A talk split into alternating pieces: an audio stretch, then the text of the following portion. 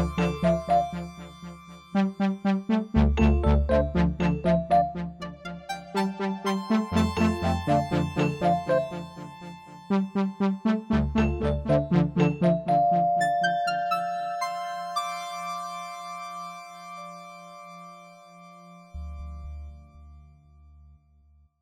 Welkom bij de aanbiedingspodcast van uitgeverij Pluim. Mijn naam is Chris Keijnen en ik spreek met schrijvers, een vertaler en pleitbezorgers van negen zeer behartenswaardige boeken die in het najaar van 2019 en het prille begin van 2020 verschijnen. En mijn eerste gast is uh, Maarten van Graaf. Maarten, welkom. Dank je. Um, je bent schrijver van de bundel Nederland in stukken. Ja. Poëzie.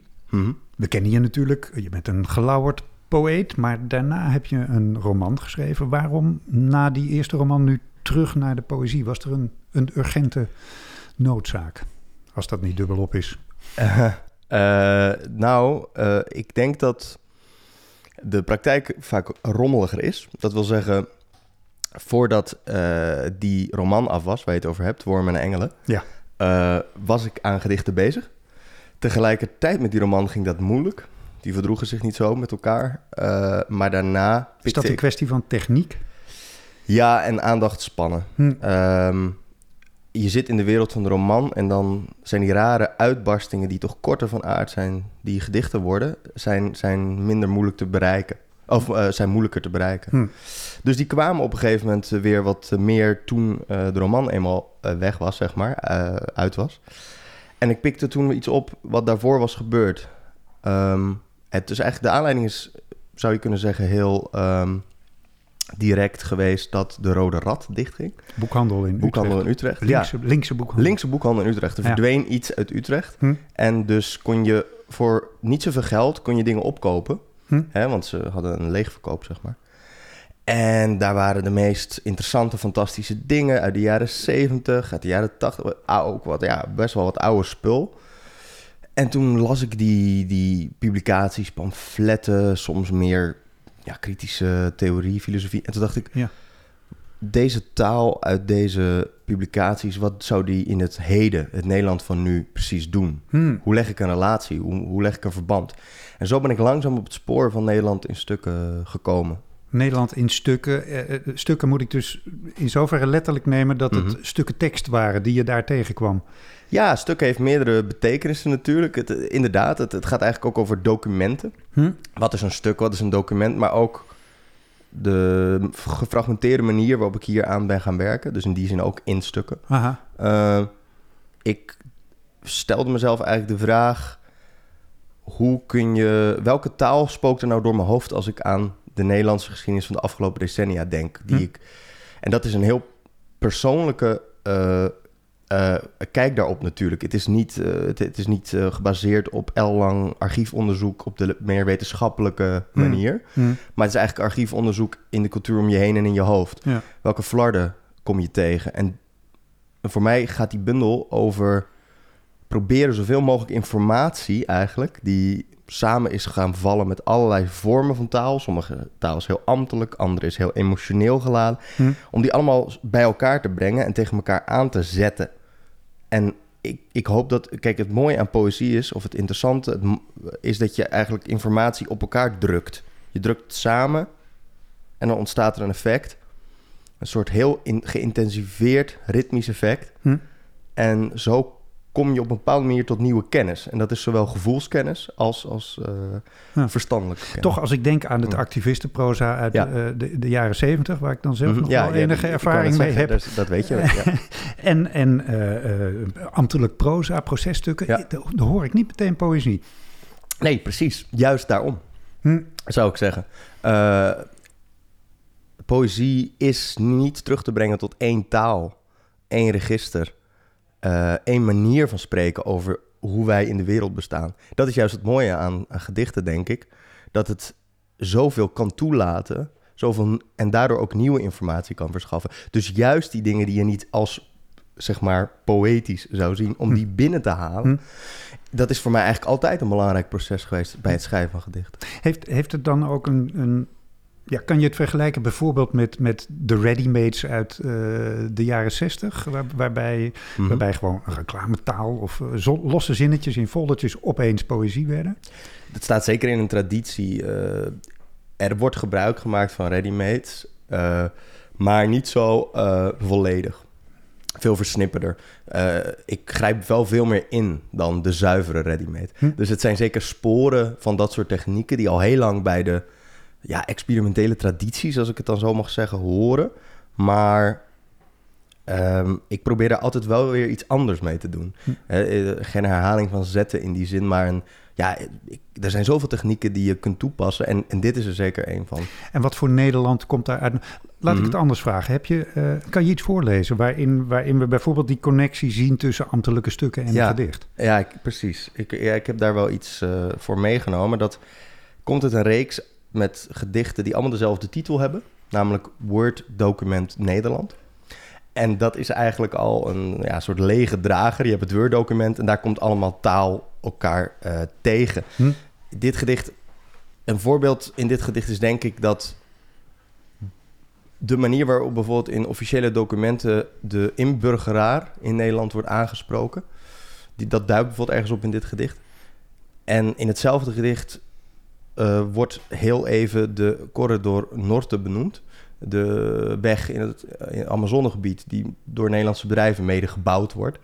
Uh, voor soja-exploitatie en heel veel gevolgen heeft voor de bevo bevolking daar, landroof, geweld enzovoort.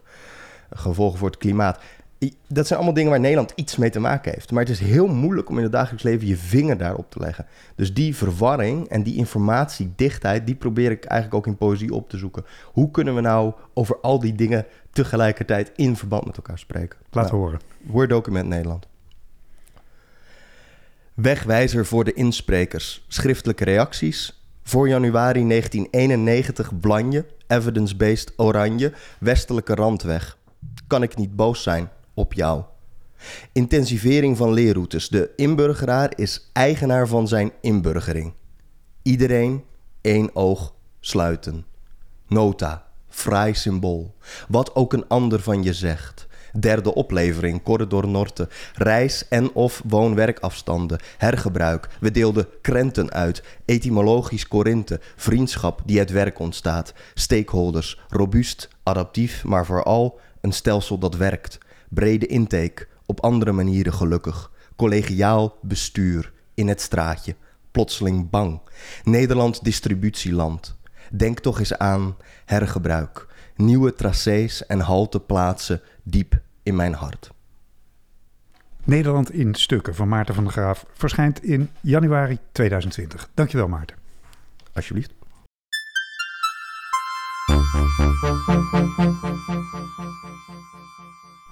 Mijn tweede gast is Hanna van Binsbergen. Zij schreef Harpy. Hanna, fijn dat je er bent. Dankjewel. Wie is Harpy? Harpy is iemand die ehm, op het moment dat het boek begint eigenlijk besloten heeft om uh, uit het leven te stappen, uit de wereld te stappen. In eerste instantie door ophouden, op te houden iets te doen. Um, maar naderhand uh, vraagt ze zich ook af uh, of ze misschien op wat voor soort manieren ze een einde aan haar leven kan maken. Hmm. En eigenlijk de vraag die ze steeds zichzelf stelt is: ligt het aan mij dat ik niet in de wereld kan functioneren, of ligt dat aan de wereld? En uh, in, op een gegeven moment ontmoet zij een uh, uh, bijzondere gesprekspartner, de duivel. Hmm. en zij, samen spreken zij over dit onderwerp en ehm, komen ze tot de conclusie dat het toch eigenlijk wel aan de wereld ligt. Aha. En welke conclusie trekt ze daar vervolgens uit voor het vervolg van haar leven? Dat, uh, dat hou ik nog even geheim. Oké, oké. Ehm, waarom, waarom kan ze niet uh, functioneren in het gewone leven? Dat, um, zij, zij is iemand die heel erg uh, de contradicties van onze samenleving aan de lijve ondervindt. En daar eigenlijk niet... De meeste mensen kunnen daar heel goed mee omgaan. Die kunnen dan bepaalde feiten negeren uh, en uh, doorgaan met dingen doen. Bijvoorbeeld, uh, zoals mensen heel goed kunnen negeren dat bijvoorbeeld kledingstukken die ze kopen onder heel slechte omstandigheden zijn gemaakt. Mm -hmm. mensen weten dat, maar ze kunnen dat, die kennis op een bepaalde manier uitzetten. Ja. Harpy kan dat niet en die wordt ongelooflijk somber Huh? van dit soort dingen. En eh, ze is ook, eh, ze bevindt zich in een nogal precaire positie. Ze is heel erg eenzaam. Eh, nou ja, ze isoleert zichzelf ook bewust. En heeft schulden. eh, en dat ehm, leidt op een gegeven moment tot een situatie die niet. eh, ja, die niet meer, dat het niet meer zo verder kan in elk Hmm. geval. Ja, En dan vindt ze met een duivel een manier om wel verder te gaan. wellicht. Ja. Wellicht. Hou het spannend. Ehm, waarom ben jij degene die dit verhaal kan vertellen? Of moet vertellen? Ja, dat vind ik een lastige vraag. Het is natuurlijk mijn idee, dus daarom Hmm. moet ik het verhaal vertellen. Mhm. Ehm, het is ook wel. eh, het- ik denk ook wel heel veel na over. Dus wat ik net zei, over dat mensen zo goed zijn in het eh, deels negeren van, van dingen die ze weten. Mhm. En eh, daar ben ik heel veel over aan het nadenken. Dan denk ik heel vaak van waarom is het eigenlijk zo dat er, dat er op bepaalde plekken overvloed is en op bepaalde plekken e- extreme schaarste. En waarom doen we daar niks aan? Mhm. Ehm, en dan niet per se dat ik, dat ik denk, eh, waarom doen we daar niks aan in de zin van ik weet het antwoord. Maar meer, waarom zijn mensen ehm, zo goed in dat voor zichzelf te rechtvaardigen en daar niet over na te denken. En dat is, eh, ja, dat, dat is een, een belangrijk gegeven in dit boek. Het, het eh, onzichtbaar worden of het onzichtbaar maken van een waarheid. Mhm. En het is natuurlijk iets waar we allemaal iedere dag mee te maken hebben. Ja. Want er zijn enorme waarheden op dit moment waar we liever niet de hele dag aan denken. Jazeker. Mhm.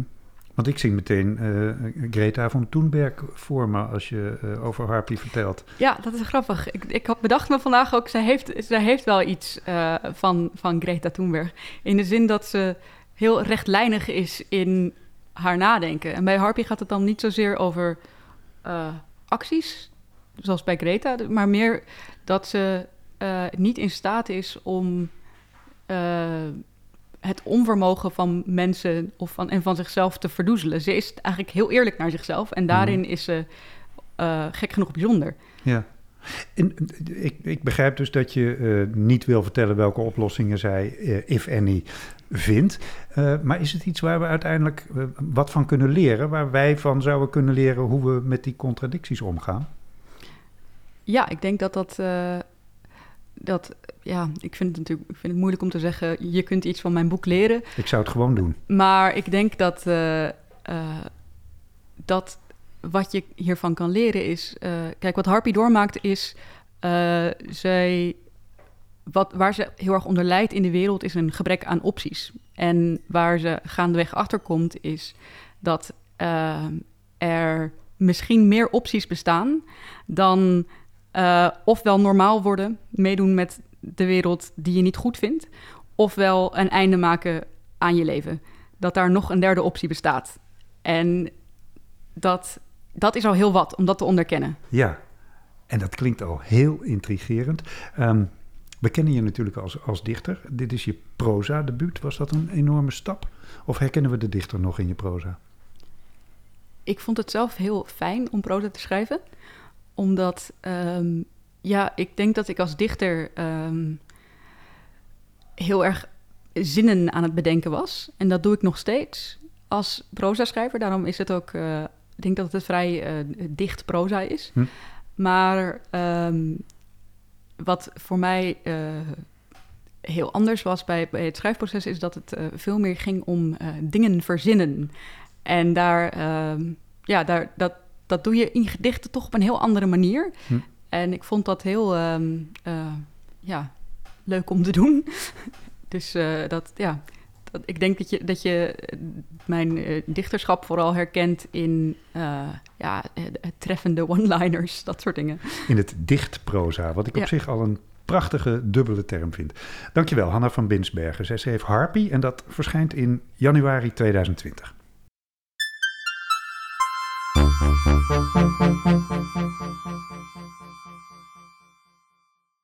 Mijn derde gast is John Jansen van Galen. Journalist. Sinds, sinds mensenheugenis kan ik wel zeggen, hè, John? Ja, Langzamerhand. eh, ja 50 jaar. 50 jaar, Ja. nou ja, dat is, dat is mensenheugenis hoor, inmiddels.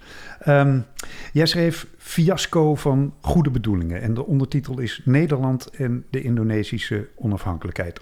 Over dat fiasco en die goede bedoelingen zometeen meer, maar de geschiedenis van de onafhankelijkheid van Indonesië, was die nog niet geschreven? Oh ja, daar zijn dikke pillen standaardwerken over. Maar dat was nou juist mijn inspiratie om ook eens op overzichtelijke schaal in een pagina of eh 160, 180 eh, voor, voor een lekenpubliek. Want die andere boeken gaan allemaal heel erg in detail in op de, op de diplomatieke demarches en de strategische overwegingen. Om een soort overzicht te maken van hoe is dat nationalisme daarop, daar ontstaan in Indonesië. Mhm. Hoe heeft Nederland daarop gereageerd en hoe is dat uiteindelijk afgelopen? Ja, ja, je hebt die periode natuurlijk eerder uitgebreid bestudeerd. Je hebt er ook eerder uitgebreid over geschreven, over eh, de, de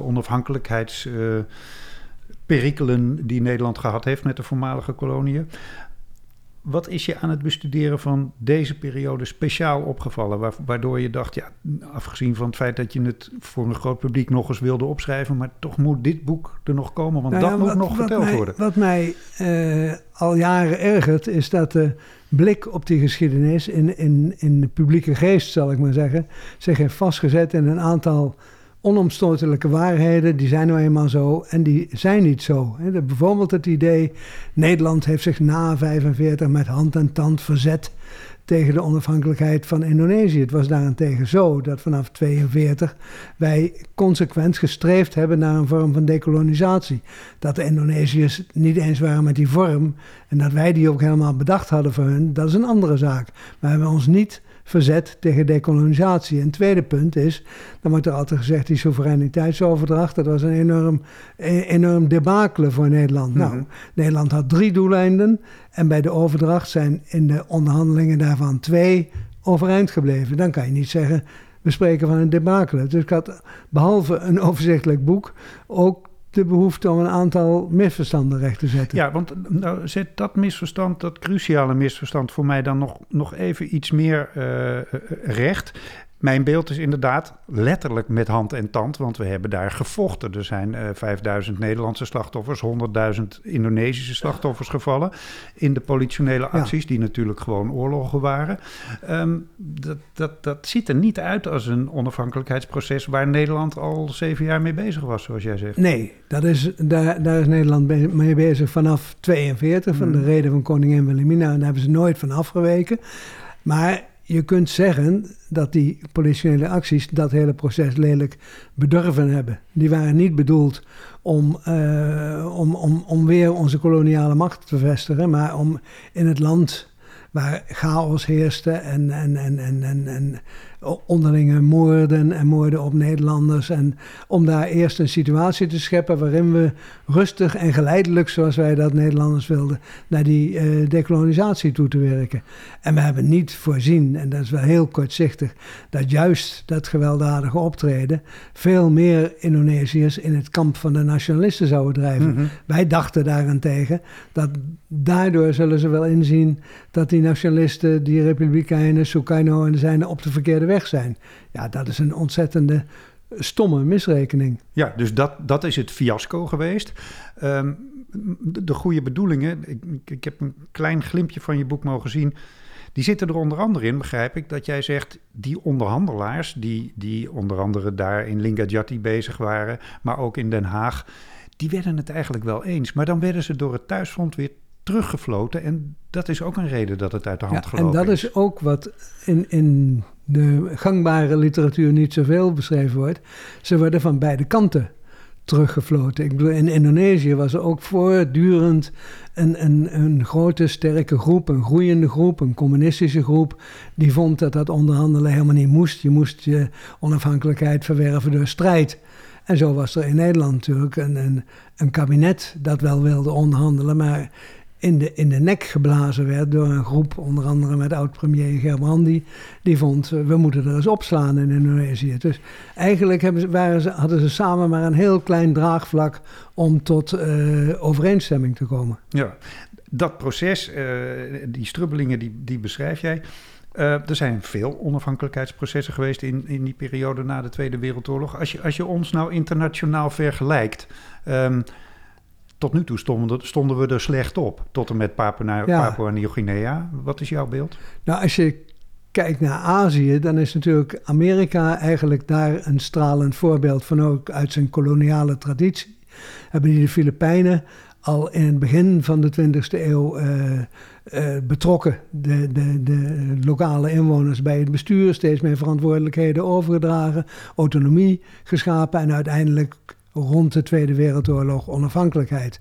Aan de andere kant, de Engelsen kun je zeggen, die hebben Brits-Indië echt uh, van de ene dag op de andere ongeveer verlaten. En daar beriep de Nederlandse premier zich ook altijd op. Hè? Want, kijk eens wat er dan gebeurt. Kijk eens wat er dan gebeurt. Dat was eigenlijk echt ook veel erger dan uh, in Indonesië. Want daar zijn moslims en hindoes elkaar massaal naar de strot gevlogen. En zijn ze op de vlucht geslagen. Miljoen doden, enkele miljoenen vluchtelingen. Ja, en dan is er natuurlijk nog het voorbeeld van Frankrijk. Dat is eigenlijk nog treuriger geëindigd. Die hebben de, de Vietnamoorlog zo lang voortgezet dat die overgenomen moest worden door de Amerikanen. En dat is een enorm bloedbad geworden. Tot en dus met Algerije. Tot en met Algerije. Ja. Dus um, Zo'n enorm fiasco was het nou ook weer niet. Nee, ik wil niet met Joop de Jong, bekend historicus, zeggen... Nederland deed het zo gek nog niet in Indonesië. in, in bepaalde opzichten is dat zo, diplomatiek niet. Maar door die, door die militaire uitwassen toch uiteindelijk wel. Oké. Klinkt als een uh, buitengewoon boeiende nieuwe kijk toch op de geschiedenis van de Indonesische onafhankelijkheid. John Jansen van Gade schreef Fiasco van Goede Bedoelingen. En het verschijnt eind oktober. Dankjewel, John. Dankjewel.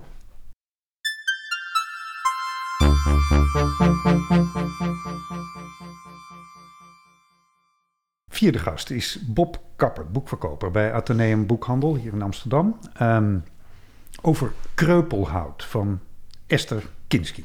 Dag Bob. Goedemiddag. Wie is Esther Kinski? Ja, wie is Esther Kinski? Zij is een uh, Duitse schrijfster en uh, vertaalster. Ze is uh, opgegroeid in West-Duitsland toen nog en heeft gestudeerd in Bonn. Slavische talen. en dat is eigenlijk ook haar specialisatie. Dat vertaalt ze veel naar het, naar het Duits.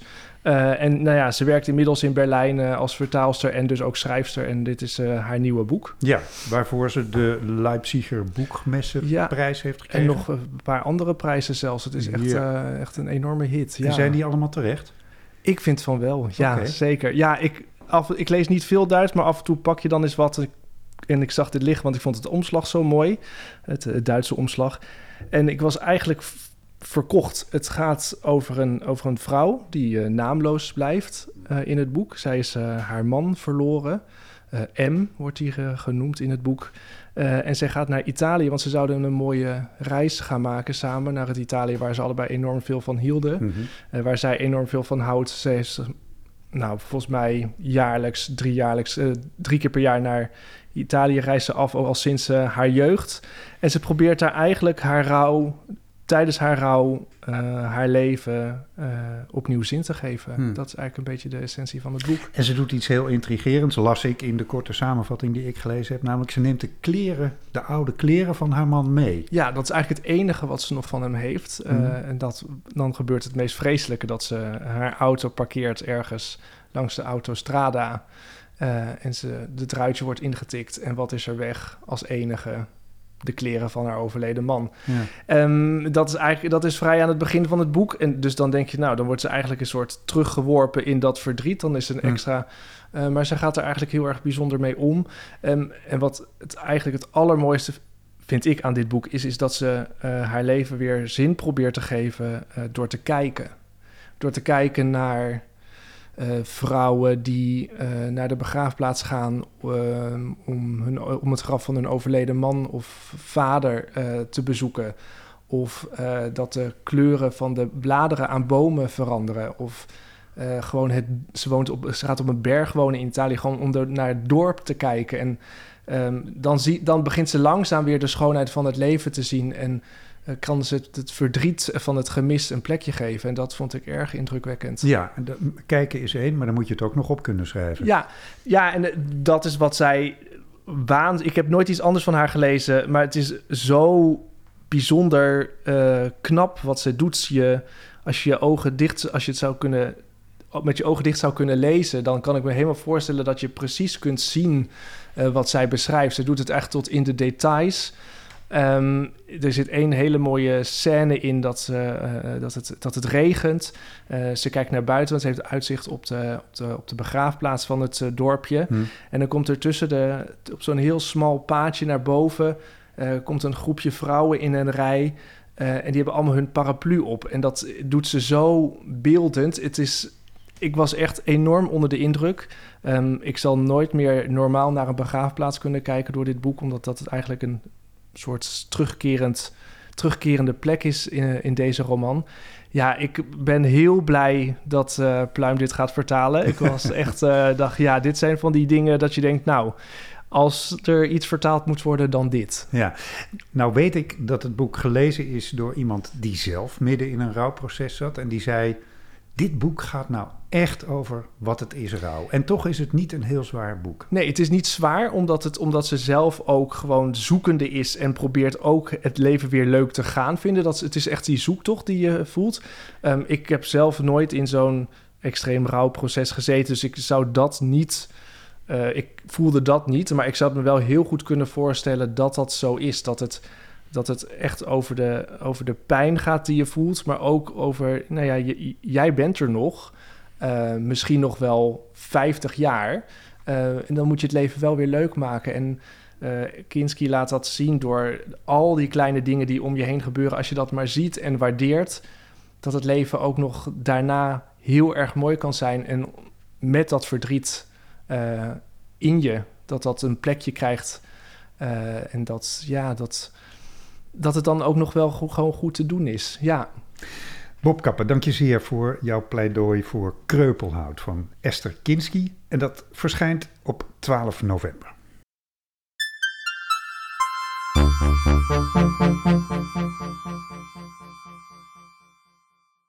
Mijn vijfde gast is Thomas van der Meer. Hij schreef Welkom bij de club. Nou, Thomas, welkom. Dankjewel. Um, bij welke club? Bij welke club? Ja, dat is uh, de vraag. Het uh, boek gaat over een uh, transseksuele jongen. Mm -hmm. En als kind heeft hij al het gevoel dat zijn lichaam niet bij hem hoort. En als hij volwassen is, dan gaat hij in transitie. Ja. En het is mijn bedoeling om iets te vertellen over identiteit en hokjesdenken. Nou, dat zijn grote complexe thema's, maar ik vertel het met een toegankelijk en best grappig verhaal. En ja, het is geen zware kost. Hm? Dat is niet mijn stijl. en uh, een lekker tempo. Ik wilde geen verhaal waar je doorheen moet slenteren. Ik wilde meer een, uh, een rit. En waarom wilde je over een, uh, een jongen in transitie schrijven?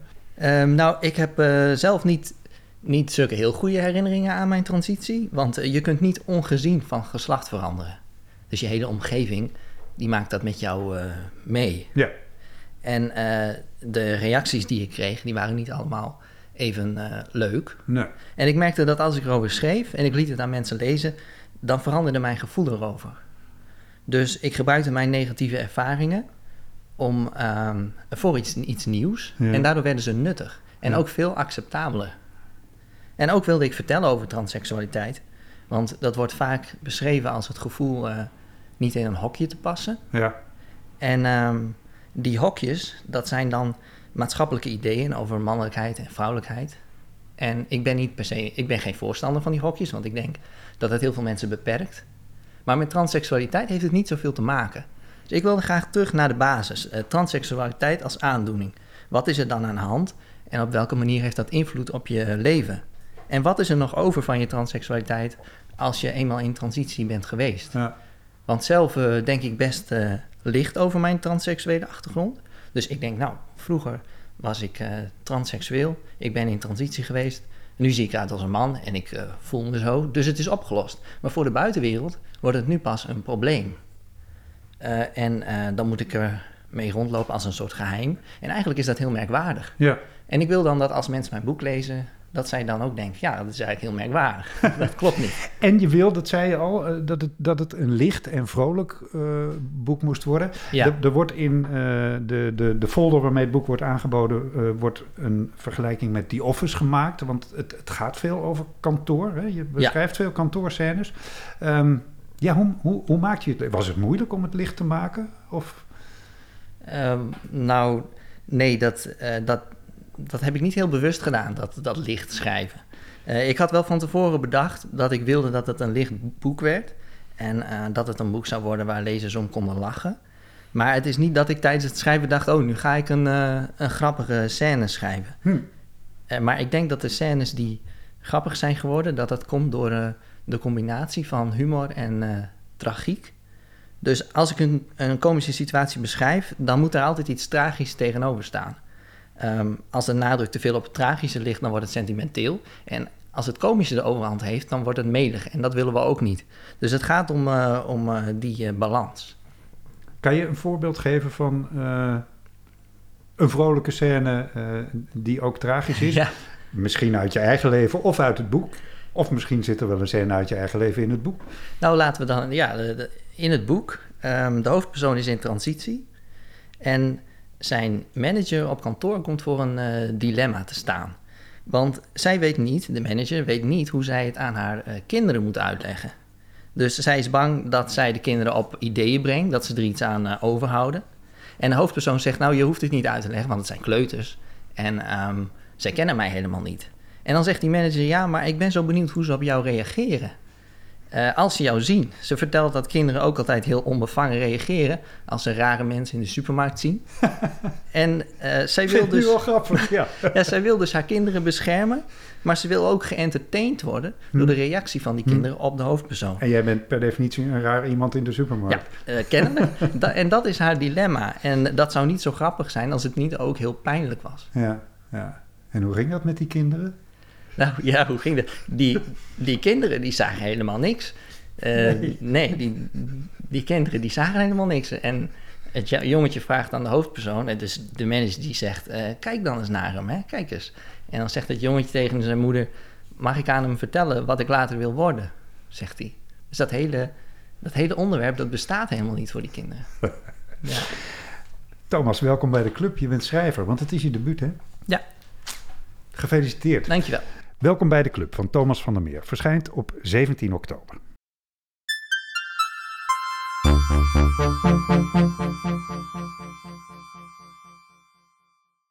Mijn zesde gast is eh Soortkill en hij is schrijver van het Smibanese woordenboek 2.0. Er was al een eh, gewoon Smibanees woordenboek, maar dit is 2.0. Welkom, Soortkill. Hi, goeiedag. Zeg eens iets tegen me dat ik niet begrijp als ik jouw boek niet bij me heb. Eh, WDW. WDW. WDW? W van Willem, Ja. D van Dirk en de W van Willem. wat, wat betekent dat? Wat doen we? Wat doen we? Ja, Oké. wat doen we? Wat zijn we van plan? Aha, Ja, wat gaan we doen? WDW. WDW. We gaan, we gaan over je boek praten. Ja. Ehm, dat is straattaal, Mhm. WDW. Het kenmerkende hiervan is dat het kort is.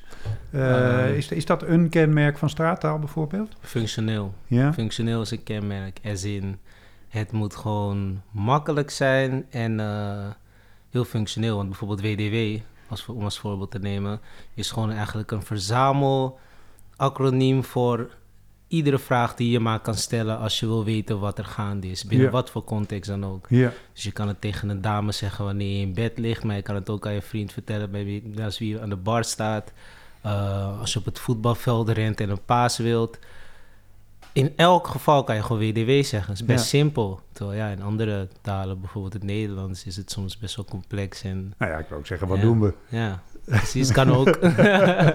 maar ook dat is dan weer, is zeg maar weer een straatje. Want dan is het weer van, ja, wat doen we? Ja. in, wat gaan wij doen? Terwijl, Ja. ja. hier wordt het wel wat breder getrokken. Dus ik denk, een kenmerkend ding is dat alles gewoon heel versimpeld en eh, breder wordt genomen. Waardoor je uiteindelijk gewoon minder nodig hebt om evenveel uit te leggen. Ja, maar een, een ander kenmerk daarvan, eh Smibanees, dat, Mhm. dat komt van eh, SMIP. Ja. En SMIP is weer Bims, BIMS. Ja. En BIMS is weer Bijlmer. een koosnaam Ja. voor de Bijlmer. Mhm.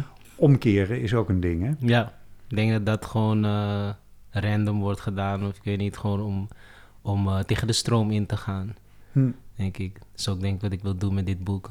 Daarom lees je het ook achterstevoren. Want eh, ja, het gaat een beetje tegen de stroom in. En dus ook met woorden letterlijk omdraaien, zodat ze ja, ook een beetje tegen de stroom in gaan. Maar ik hoef de woorden toch niet achteruit te lezen, hè? Nee, nee, nee. Alleen niet, het boek van achteren naar Dat- Heb je voren. ooit manga's gelezen? Mm, eh, manga strips bedoel je? manga strips, Jazeker, ja, ja, Die ja. zijn ook achterstevoren. Ja, ja. Dus, En eh, alle beetje- Arabische boeken zijn ja, natuurlijk achterstevoren. Beetje op die manier. Ja, Mhm. want het is, het is ook afgezien van, we hebben nu twee dingen gehad, afkortingen en omkeringen, eh, Mhm. maar het is ook een mix van verschillende talen. Hè? In, in dit geval de talen Ja. van de Bijlmer. Ja, inderdaad. Het is eigenlijk gewoon een mix van alle culturen die eh, ja, rondzwerven in de Bijlmer. In dit geval, maar ik denk dat straattaal altijd gewoon een eh, vermenging is van verschillende culturen die op dat moment present zijn. En ehm, in, gedurende de tijd dat ze met elkaar zijn, bouwen ze gewoon iets op. En op een gegeven moment komt er dan een generatie daaronder die dat een soort van oppikt als oké, dit is het nieuwe. Want ik denk een jaar of ja, twintig geleden was het weer anders dan nu, omdat je toen andere invloeden had of in een ander stadium. Dus ik denk, eh, het is altijd een, een, een eh, resultaat van de invloeden op dat moment op die bepaalde plek. Mhm. Want ook weer het Smibanese is dan weer voor ja, alleen de Bijlmer. Of ja, niet per se alleen de Bijlmer, maar dat is afkomstig van. Maar in. Amsterdam-West bijvoorbeeld is dat weer heel anders. Ja, kan ik niet met jouw Surinamese woorden Dat dan weer wel. Amsterdam ook oh, dat is het leuke dus, dat kan weer wel. Maar het is alleen, daar heb je gewoon wat meer woorden die meer Arabisch eh, beïnvloed zijn. Dus Aha. het depend eigenlijk, maar uiteindelijk is er wel een soort van middelpunt of zo. Waar alles naartoe, waar alles verbonden zit, laten we het zo zeggen. En eh, ik noem het Smibanese. Ja, ja. en eh, je- zei al, het, het verandert voortdurend. Is Mhm. dat ook de reden dat er nu een versie 2.0 moest komen? Want je hebt een eerdere versie gemaakt. Ja. Of is dat vooral omdat daar alleen nog maar in het historisch archief van de gemeente Amsterdam een exemplaar van te krijgen is? Omdat het verder overal uitverkocht is? ja, beide redenen. Hm?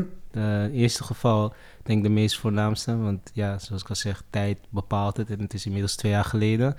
En ten tweede, ja, het moet er gewoon zijn. Het moet er voor altijd zijn. En het moet niet uitverkocht zijn. Dus ja. En waarom moet het er zijn? Want ja, straattaal is toch ook juist bedoeld om te zorgen dat niet iedereen het kan begrijpen? Ja, nee, ik denk meer dat dat ehm, een excuus is voor sommige mensen die niet begrepen willen worden.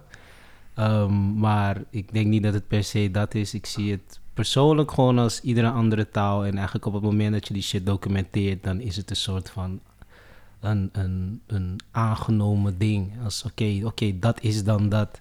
En eh, ik wilde gewoon lekker serieus doen. maar wat heb ik, zijn. waarom moet ik het eh, kunnen begrijpen? Wat, hoe verrijkt het mij? Ehm, ik denk dat je dan gewoon ehm, inzicht krijgt in een hele laag van gebeurtenissen waar je nu maar tot een zekere hoogte in kan treden. En het is best wel een interessant gedeelte of interessante laag van de Nederlandse bevolking. Ja. Dus het is niet alleen taal, het is toegang tot een hele wereld. Toegang tot, inderdaad, een wereld in muziek. eh, het uitzicht in een lifestyle gewoon, in, in hip-hop eigenlijk in mijn ogen. Dus ja.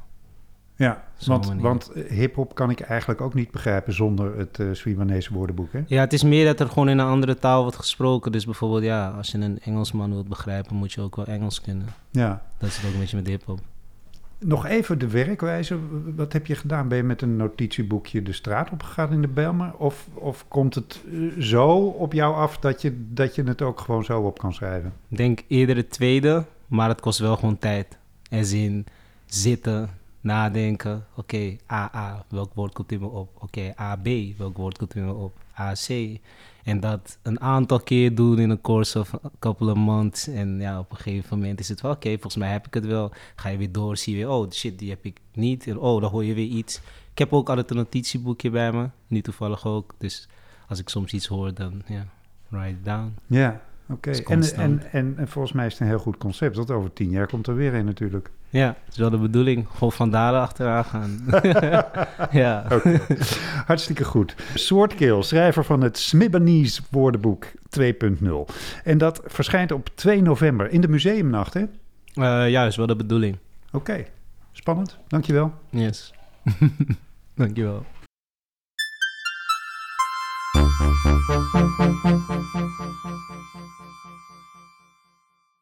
De zevende gast is Hans Steketee, redacteur van NRC Handelsblad. En hij schreef De Warnau, een schip, een man, een droom. En uh, ja, de, de uitleg op uh, het voorblad van uh, de aanbiedingsfolder is... Schip vermist op de Noordzee. Dag Hans. Hallo. Waarom wilde jij alles van dit schip weten? Eh, om te beginnen moest ik er alles van weten, want ik kreeg de opdracht voor de krant om uit te zoeken wat er gebeurd was eh, in april 2013. Toen eh, er een kort bericht op teletext stond: Nederlandse zeilboot vermist op de Noordzee. En ik was verslaggever en kreeg de opdracht uit te vinden wat daar achter dat bericht schuilde. Mhm. En al snel ontdekte ik dat het niet om een gewone zeilboot ging, maar om een vrij wrakkig verbouwd loodsbootje. En dat het niet om klassieke zeilers ging, mensen die in polo-shirt met eh, horloges op een hellend scheepsdek zitten, maar dat het eh, ging om een groepje eh, ja, hippies, dacht ik aanvankelijk. Dat Hmm. bleek ook genuanceerder te liggen. Hmm. Ehm, en ja, rond dat vertrek van dat bootje, het bootje zelf, die bemanning waren allerlei raadsels. En je weet, ja, je- je wil gewoon een, een raadsel moet opgelost worden. Mhm. Dus dat wat nieuwsgierigheid was mijn primaire drijfveer daarna. Ja. Dat bootje stelde mij voor een raadsel, de opvarenden stelden mij voor een raadsel en de gebeurtenissen op de Noordzee stelden mij voor een raadsel. Ja. Ehm, maar eerst denk je, ja, scheepsongeluk is een betrekkelijk eendimensionaal verhaal. Eh, maar dat, dat bleek toch wel eh, ja, ingewikkelder en genuanceerder eh, te, te liggen. Je kreeg eh, sterk de indruk dat deze mensen aan een roekeloos avontuur waren begonnen. Je- er waren ook meteen allerlei reacties die eigenlijk neerkwamen op... ja, als je niet kan varen, het waren onervaren mensen... en als je met zo'n scheepje de noordelijke Noordzee gaat oversteken... dat moet wel fout gaan. Verdiende loon was er zelfs iemand die zei. Mhm. En toen dacht ik, ja, dat is toch ook... dat kan nooit het hele verhaal zijn. Nee. Ehm, deze mensen hebben iets gedaan wat eh, verstandige mensen misschien niet doen, maar... Want dat iets, laten we, dat ook even voor duidelijkheid zeggen, want je noemt het in een bijzin een loodsbootje. Het was een, een oud loodsbootje eh, uit, uit Noord-Duitsland, waar ze, waar ze een soort hijskraan op hadden gezet, Ja, die, die, die als mast voor het zeil moest dienen. De eigenaar van de boot heette Arno, eh, Arnoud Brinkman, een jongen uit Schiedam. De, de, hij was 48 jaar oud toen hij aan die reis begon. Hij ehm, woonde op het schip, werkte op dat schip. Eh, want hij was eh, in de Rotterdamse haven een soort eh, varende klusjesman. Hij, hij deed klussen aan binnenvaartschepen. Hmm. Ehm, hij woonde op dat schip, maar zijn grote droom was erop uitgaan. Vrij zijn noemde hij het zelf. Leven van de wind. En daarom moest dat bootje kunnen zeilen. Het was een motorbootje. En toen had hij een lumineus idee, namelijk een, een verbouwing waarbij hij een grote kraan in het midden op dat schip zette. Hydraulische kraan. Dat kon hij gebruiken om eh, spullen op andere schepen over te zetten. Maar die kon dubbelen als mast. En toen had hij ergens een zeil op de kop getikt van een oud platbodem. En dacht dat hij eh, zo een zeilboot had. Nou, het was een motorbootje, er zat geen kiel op. Allemaal niet goede ingrediënten voor een zeilboot. Maar hij is toch gegaan. Hmm. Eh, en het doel van de reis was om naar het Noorderlicht te gaan. En of dat nou een droom was of echt een concreet plan, dat zullen we nooit meten. Maar in ieder geval, ze noemden hun reis ehm, de Warnow Experience Aurora. Ja. Aurora is de, het Noorderlicht. Ja. Er waren heel veel dingen die je wild, wilde weten. Je hebt ook heel veel verschillende dingen uitgezocht. Je hebt de geschiedenis van, het, van, het boot, van de boot zelf uitgezocht. De geschiedenis van deze Arnoud, maar ook van zijn passagiers... die gedeeltelijk met hem verdwenen zijn... gedeeltelijk halverwege zijn, zijn afgestapt. Het is een ongelooflijk verhaal, maar dat, ja, daarvoor moeten mensen echt het boek lezen. Ehm, wat is de, de, de grootste ontdekking die jij hebt gedaan... waarvan je nou nooit had gedacht dat het zo in elkaar zat? Ja, ik heb een aantal ontdekkingen gedaan. Ten eerste dat het eh, gewoon dat als je je verdiept in het leven van zo iemand die eigenlijk eerst een figurant lijkt in een bericht, dat dat een heel interessant leven was. Dat is echt een heel, heel spannend leven van iemand die opgroeit in een, in een, in een eh, normaal middenklasse gezin en dan ergens eh, een andere afstand neemt dan andere mensen Hm. nemen. En dat blijkt een heel interessant leven te zijn. Eh, iemand die eigenlijk naast de samenleving eh, gaat, gaat leven. Het is een wereld die ik totaal niet kende. Het is ook een soort tijdsbeeld van de jaren tachtig. Je krijgt doorkijkjes met, met drugsverslaving en afkikken. Hij zou boos geworden zijn als je hem hippie had genoemd. Eerder een soort nihilist. Een wereld die ik niet kende Hm. en waar ik wel nieuwsgierig naar was.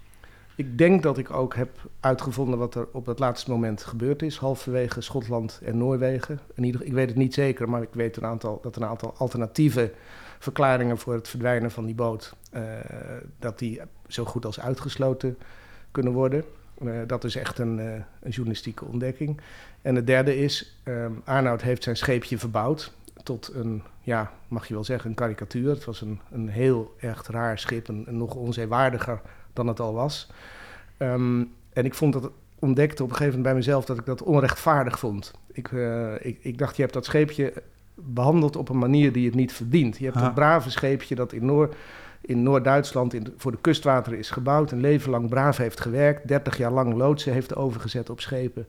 Heb jij ehm, eh, onterecht behandeld. Je hebt gedaan alsof het scheepje geen verleden had. Hm. En het derde onderdeel van het verhaal is eh, dat, dat ik wilde dat scheepje zijn verleden teruggeven. Ja. En ik, het is gewoon een nederig bootje.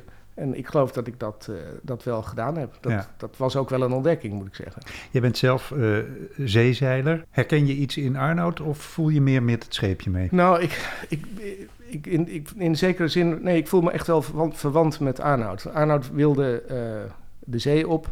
De verlokking van de zee, dat is iets universeels. Dat hebben heel veel mensen. Er zijn misschien wel, wel honderd of meer Nederlandse gezinnen die eh, elk jaar zee kiezen op een, eh, ja, dan op een degelijke schip voor een reis rond de wereld. De vertrekkers, daar zijn zelfs beurzen voor. Maar goed, dat was allemaal veel te burgerlijk voor Arnoud. Hij wilde, het zelf doen. Maar de lokroep van de zee, die is universeel. En die, die, ehm, die herken ik. Eh, verlangen naar de zee, verlangen naar de wind, de bewegingen van een schip, de natuur. Alles, al die elementen had hij, had hij in zich. Alleen er was één cruciaal element dat naar mijn smaak ontbrak. Eh, dat was ontzag voor de zee. Want ik denk dat je alleen eh, goed en verstandig eh, op zee kunt gaan als je niet alleen van de zee houdt, maar ook een klein beetje bang bent. En Arnoud had dat ontzag niet. En ik heb ook natuurlijk fors teruggegraven in zijn verleden. En dan zie je dat dat echt een patroon is. Dus een heel patroon van gebrek aan ontzag voor autoriteit, eh, eh, voor, voor regels. eh, en uiteindelijk ook voor de macht van de zee. En de zee wint altijd. En hij wenste dat niet te erkennen. Dankjewel, Hans Tekentee. De Warnau verschijnt op 25 september.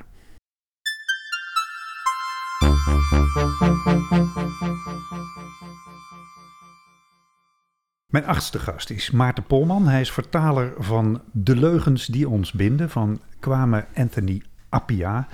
Dag Maarten. Dag Chris. Ehm, wie is kwame Anthony Appia? Laten we daar beginnen. Een buitenbeentje. Want? Met een speciale voorkeur voor buitenbeentjes. Hm? Hij is een eh, Brits-Ghanese filosoof. Van beide kanten uit een eh upperklasse familie. Van de vaderskant stamt hij van de koninklijke familie van Ghana. Zijn vader was advocaat, heeft meegewerkt aan de grondwet van Ghana toen het onafhankelijk werd in 1960 geloof ik.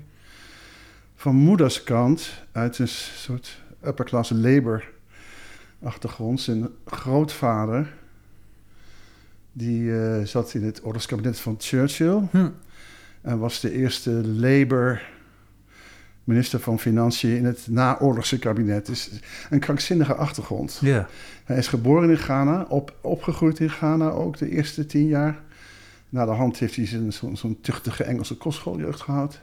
In Oxford gestudeerd, Mhm. filosofie. Mhm. En eh, voor iedereen, een, eh, hij, brengt, ja, hij stelt iedereen voor raadsels al zijn hele leven, omdat hij super bekakt Engels spreekt en pikzwart is, of half zwart.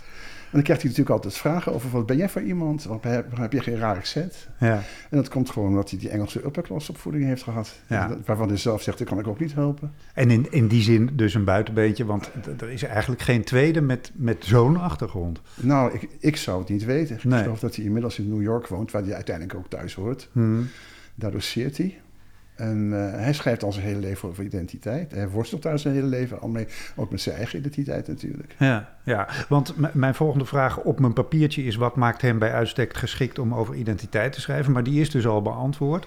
Ehm, ja, ja die, die vraag zou ik niet eens kunnen beantwoorden. Hij beantwoordt zichzelf, want, want het is gewoon door zijn eigen achtergrond al. Ja. Hij moest wel die kant op. En, eh, en nou, inmiddels is hij... eh, ik geloof dat hij in de zestig is. Hij is een, eh, inmiddels is hij een academische autoriteit op het gebied ook nog. ja, maar maakt dat eh, zijn jongste boek... De leugens die ons binden tot een academisch boek? Nou ja, als vertaler zeg ik ja. Hm. Omdat het eh, in academisch proza is, is geschreven en, en, en, en ik dat ook op die, die manier benaderd heb. Maar academisch, ja, het is natuurlijk wel een, zeer eh, hot maatschappelijk onderwerp wat hij behandelt. In die zin is het natuurlijk ook heel erg, eh, heel erg sociaal brandend thema wat hij behandelt. Ja. is het is niet strikt tot academie beperkt, maar is het, is het gewoon een maatschappelijke kwestie. En hij gebruikt, neem ik aan, zijn eigen leven in, in deze uh, bijzondere identiteit ook voor Ja. zijn analyse, of niet? Ja, nou ja, eh, zeker wel. Wat hij probeert, hij is ook een cosmopoliet en zo stelt hij zich ook op.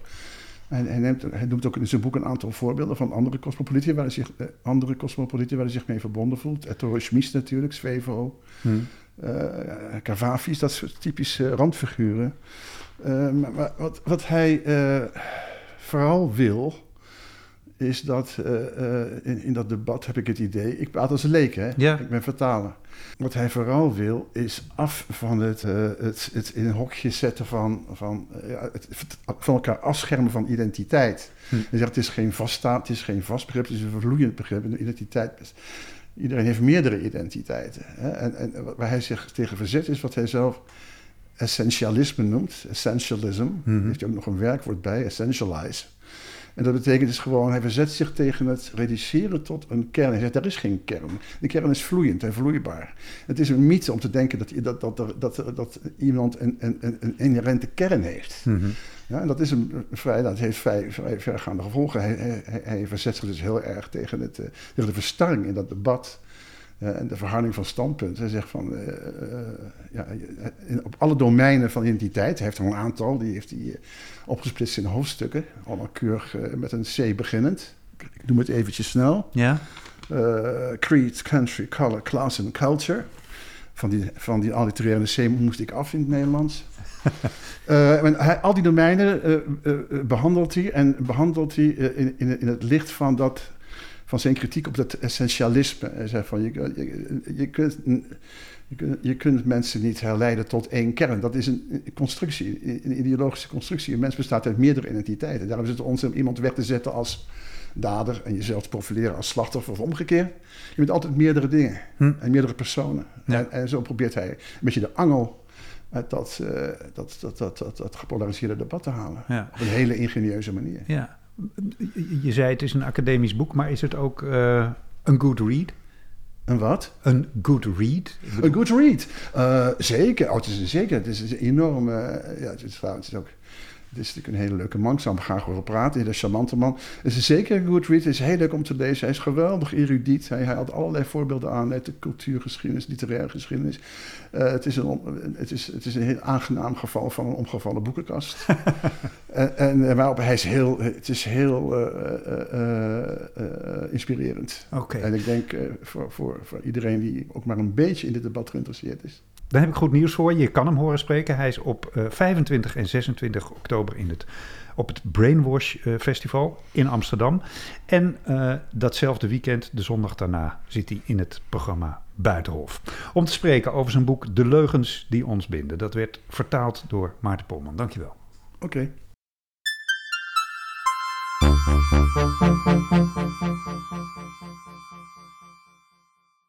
Mijn negende gast is EBC Rauw. En eh, zij komt spreken over Sister Outsider van Audrey Lord. Uitgave van uitgeverij Pluim. Samen met het eh, podcastcollectief Dipsaus. Want daar ben je ook van, Ja. EBC. Hallo, Ja. welkom. Ehm, ja, toch maar de domme beginvraag. Wie is Audrey Lord? Oeh, het lijkt een simpele vraag, maar ik vond het best wel lastig om eh, heel kort uit te leggen wie ze is. Ze is. Eh, ze noemt zichzelf in ieder geval black lesbian mother warrior poet. Dat is hoe ze zichzelf beschrijft. Zij, zij is een zwarte lesbische feministisch schrijver. Zij is, uh, hoe zeg je het in, hoe zeg je het in het Nederlands? Dit is Dipsaus Engels, dus ik ga switchen naar Dipsaus Engels. Dat, dat, dat Ehm, begrijpen we wel, denk ik.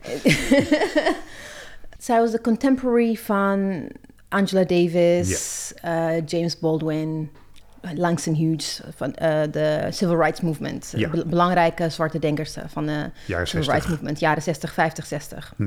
Maar zij is ook belangrijk geweest voor de anti global antiracisme movement. Dus niet alleen maar Amerika, maar ook globaal, want ze, ze was ook een Marxist. Hm.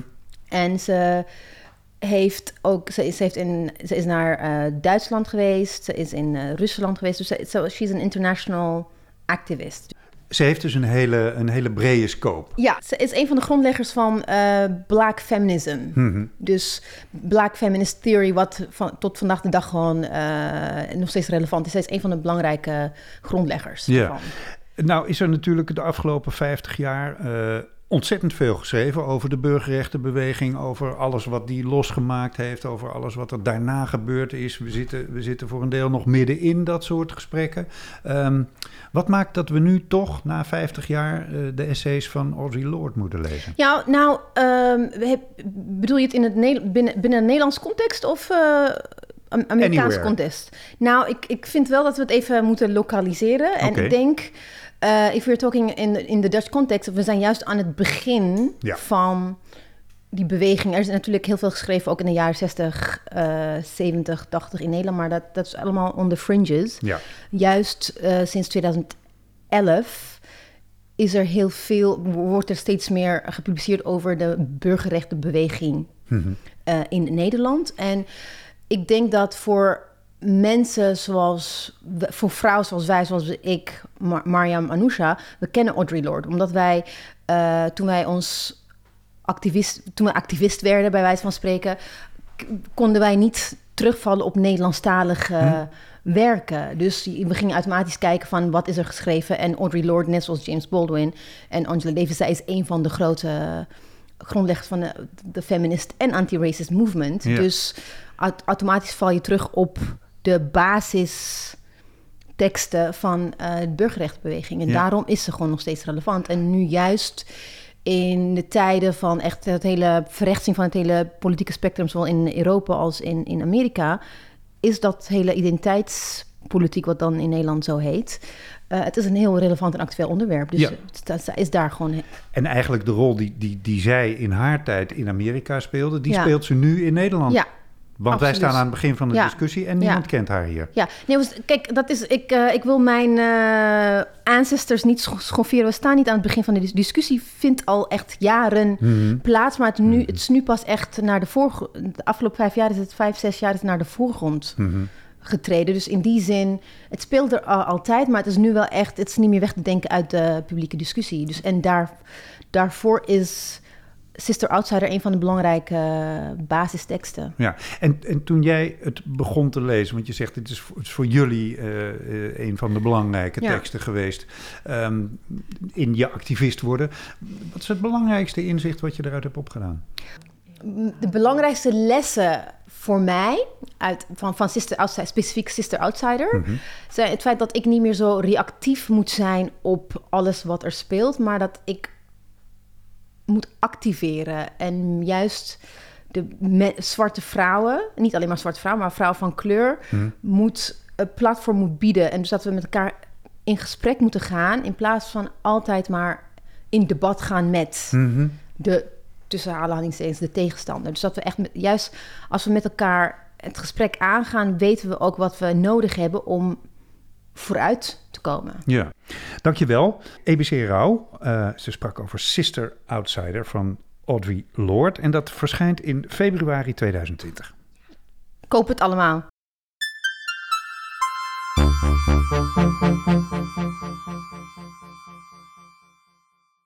En dit was bijna de aanbiedingspodcast van uitgeverij Pluim. Ik geef u nog één keer alle titels en schrijvers van de negen besproken boeken. Audrey Lorde, Sister Outsider, kwamen Anthony Appia, De Leugens die ons binden, Hans Steketee, De Warnau, Swordkill met het Smibbenese woordenboek 2.0, Thomas van der Meer, welkom bij de club, Esther Kinski, Kreupelhout, John Jansen van Galen, Fiasco van Goede Bedoelingen, Hanna van Binsbergen, Harpy en Maarten van der Graaf met Nederland in stukken. Dank u wel voor het luisteren. Thank you.